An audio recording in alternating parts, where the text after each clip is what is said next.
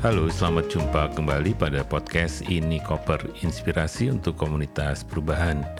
Saya Dani Wahyu Menggoro dari Inspirasi Tanpa Batas atau Inspirit.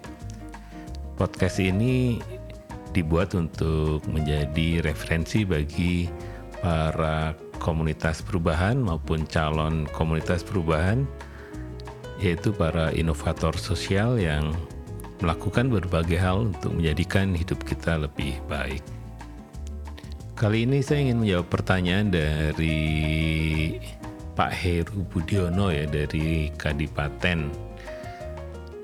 Pak Heru adalah pendengar yang paling setia dari ini koper, selalu memberikan komentar dan juga memberikan like sehingga saya tetap semangat untuk memproduksi podcast ini koper. Yang Pak Heru tanyakan sebenarnya adalah apa beda antara strategic planning dengan theory of change. Karena sebenarnya pertanyaan tidak fokus pada uh, strategic planning ya, tetapi fokusnya adalah pada kata SWOT. Nah, SWOT ini sebenarnya juga disandingkan dengan SOAR ya. Kalau SWOT kan memang strengths ya. Jadi ada ada strength, weaknesses, opportunities dan juga threats atau atau ancaman ya. Atau orang menyebutnya diperhalus menjadi tantangan itu. Nah kalau SWOT sebenarnya diambil dari model apresiatif inquiry ya untuk menerjemahkan SWOT dari perspektif yang lebih fokus pada opportunities. Jadi lebih ke strengths, kemudian opportunities ya. Nah, kemudian juga aspirasi kita lebih ke masa depan gitu. Dan result dan outcome maksudnya. Sebenarnya soak kerja. Nah, di di SWOT kalau kita sering melakukan analisa SWOT itu bagi militer bagi tentara gitu ya pada saat perang itu memang digunakan betul-betul ya karena kalau tidak melakukan SWOT ya pasti kalah di medan perang itu dan juga kalau kita di olahraga boleh jadi SWOT akan sangat membantu ya. Kemudian juga di korporasi, karena persaingannya begitu ketat sehingga mau tidak mau itu memang membuat SWOT itu menjadi alat bantu yang signifikan itu. Nah, yang ingin saya sampaikan di sini sebenarnya adalah bagaimana kalau SWOT itu diaplikasikan pada organisasi yang sebenarnya melihat tantangan dan ancaman itu sumir ya.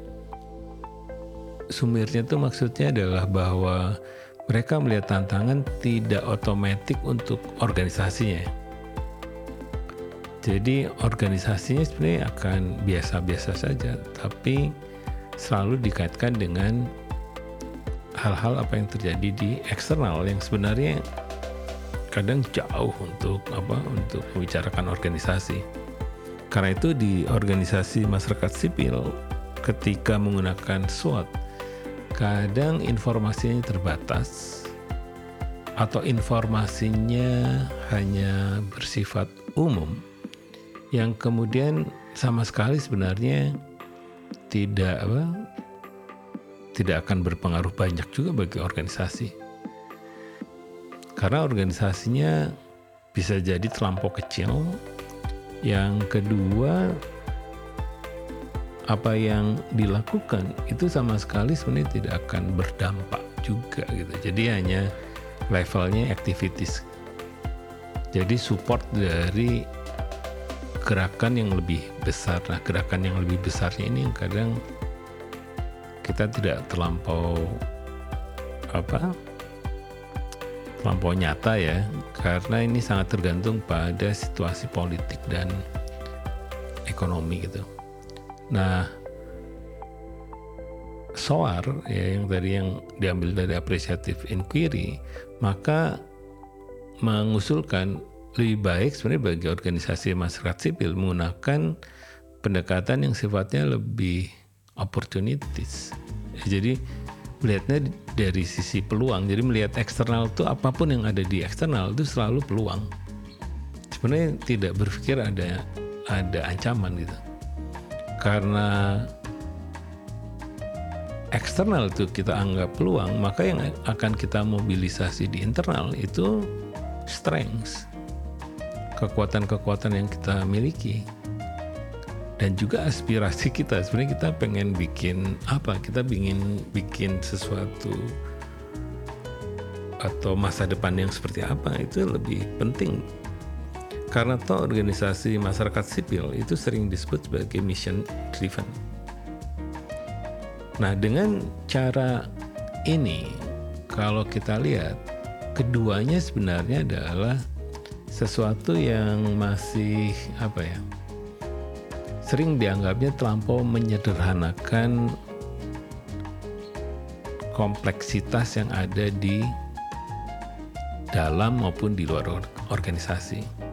Karena itulah beberapa tahun kemudian itu muncul yang namanya theory of change karena alasannya sebenarnya adalah sangat sulit mengukur dampak saat melakukan evaluasi apa yang dilakukan oleh organisasi masyarakat sipil seperti ini. Karena selalu tidak terlampau kecil tadi, datanya terlampau kecil, kemudian intervensinya juga terlampau kecil, sehingga kita ketika akan menyatakan bahwa kegiatan ini berdampak, kadang lebih apa ya semacam perubahannya tuh masih sangat mikro gitu. Jadi belum ada perubahan di eksternal yang sifatnya organik apalagi yang sifatnya sistemik. Nah dengan cara ini sebenarnya di di theory of change itu selalu mempertanyakan apa sebenarnya impact yang mau kita ciptakan apa sebenarnya final outcome kita karena itu, setiap kaitannya dengan outcome, setiap kegiatan, setiap input, setiap output, dan juga setiap strategi yang kita pilih selalu ditanyakan apa asumsi yang digunakan. Karena asumsinya adalah asumsi yang sifatnya harus real, maka asumsi di teori of change itu lebih bersifat eternal sejauh apa organisasi itu memiliki kekuatan sehingga memastikan bahwa setiap kegiatan, setiap apa setiap rupiah yang dibelanjakan itu punya sumbangannya kepada impact. Nah, dengan cara berpikir begitu, maka berpikirnya bukan sekedar bertingkat, tetapi menjadi sistem. Bahwa kalau kita ingin melakukan satu kegiatan itu tidak cukup hanya dengan apa menyelenggarakan kegiatan karena ada jadwal di proyeknya bahwa kita akan melakukan kegiatan itu tetapi selalu dicek. Sebelum kegiatan itu dimulai dicek siapa yang akan terlibat mengapa mereka terlibat apa hubungannya dengan impact kita. Ketika kegiatan sudah dilakukan pertanyaan itu juga muncul lagi apakah materi, apakah fasilitator, apa pun yang akan terjadi dalam interaksi sosial itu, dipertanyakan lagi apakah juga akan berkontribusi pada impact. Nah, setelah kegiatan itu berlangsung juga ditanya lagi, apa yang kita bisa lakukan kemudian untuk memastikan bahwa apa yang kita lakukan itu punya impact. Nah, kadang di dalam pendekatan SWOT yang kemudian menjadi programatik dalam bentuk log frame itu seolah kegiatan-kegiatan itu hanya rangkaian kegiatan yang hubungan antara kegiatan satu dengan kegiatan yang lain. Itu masih masih tersembunyi.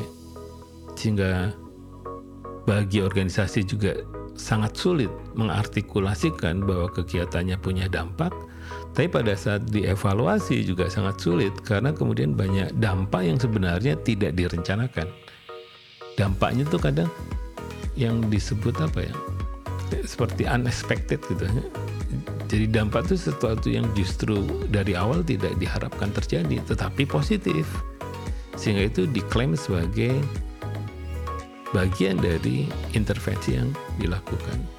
Karena itulah sebenarnya impact yang menjadi fokus pada teori of change itu menggantikan kata teori of change menjadi teori of impact. Jadi bagaimana sebenarnya setiap setiap yang kita lakukan itu memiliki kontribusi pada impact. Jadi di sini asumsi itu selalu diuji apakah asumsi yang kita yakin itu real atau hanya asum, asumsi belaka.